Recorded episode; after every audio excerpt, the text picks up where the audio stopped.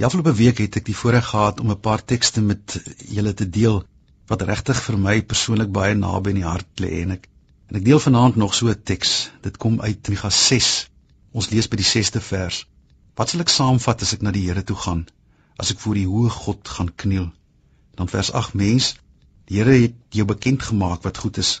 Hy vra van jou dat jy reg sal laat geskied, dat jy liefde en trou sal bewys en dat jy bedagsaam sal lewe voor jou God. Ons sou dit ook kon vertaal met ootmoedig of versigtig of nederig sal lewe voor jou God. Soms hoor 'n mens die vraag of daar sommige sondes is wat dan nou groter is as ander. Is daar dinge wat jou makliker vergewe word as ander? Ek onthou dat Phila Komiti in Daleen Matteus se bekende boek Phila se kind dit so duidelik gestel het. God vergewe ons baie dinge, maar God vergewe ons nie die kwaad wat ons se kind aandoen nie. Die vroeë kerk het ook lysies van erge sondes gehad. Doodsondes is dit genoem. En dis oor een van hulle wat ek vanaand iets wil sê.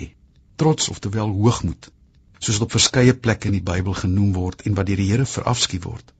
Laat ons dit dadelik sê, daar is natuurlik forme van trots wat nie sleg is nie, maar dis oor die hoogmoed ding waaroor die Bybel dit so ernstig het. Hoogmoed het baie gesigte, maar seker is die eerste wat ons moet weet dat hoogmoed so gevaarlik is omdat dit so verskriklik moeilik is om self raak te sien.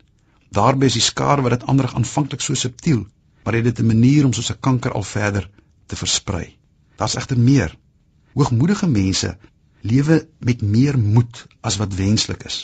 Hulle dink meer van hulle self as wat werklik geldig is.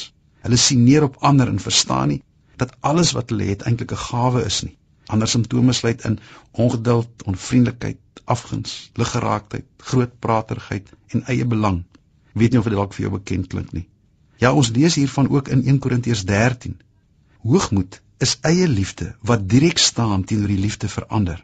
Hoogmoedige lewens raak al hoe meer ingewikkeld en dra swaar bagasie met hul saam, omdat hulle altyd goed moet lyk. Hulle is nie maklik verkeerd nie en hulle sê nog moeiliker, hulle is jammer. Wat maak ons hoogmoedig? Kennis kan ons hoogmoedig en beter weterig maak. So ook sukses en onbegrip vir ander en waar hulle vandaan kom. Mag kan ons hoogmoedig maak. Hoogmoediges kyk na die wêreld deur hul eie oë en sukkel om dit deur God se oë te sien.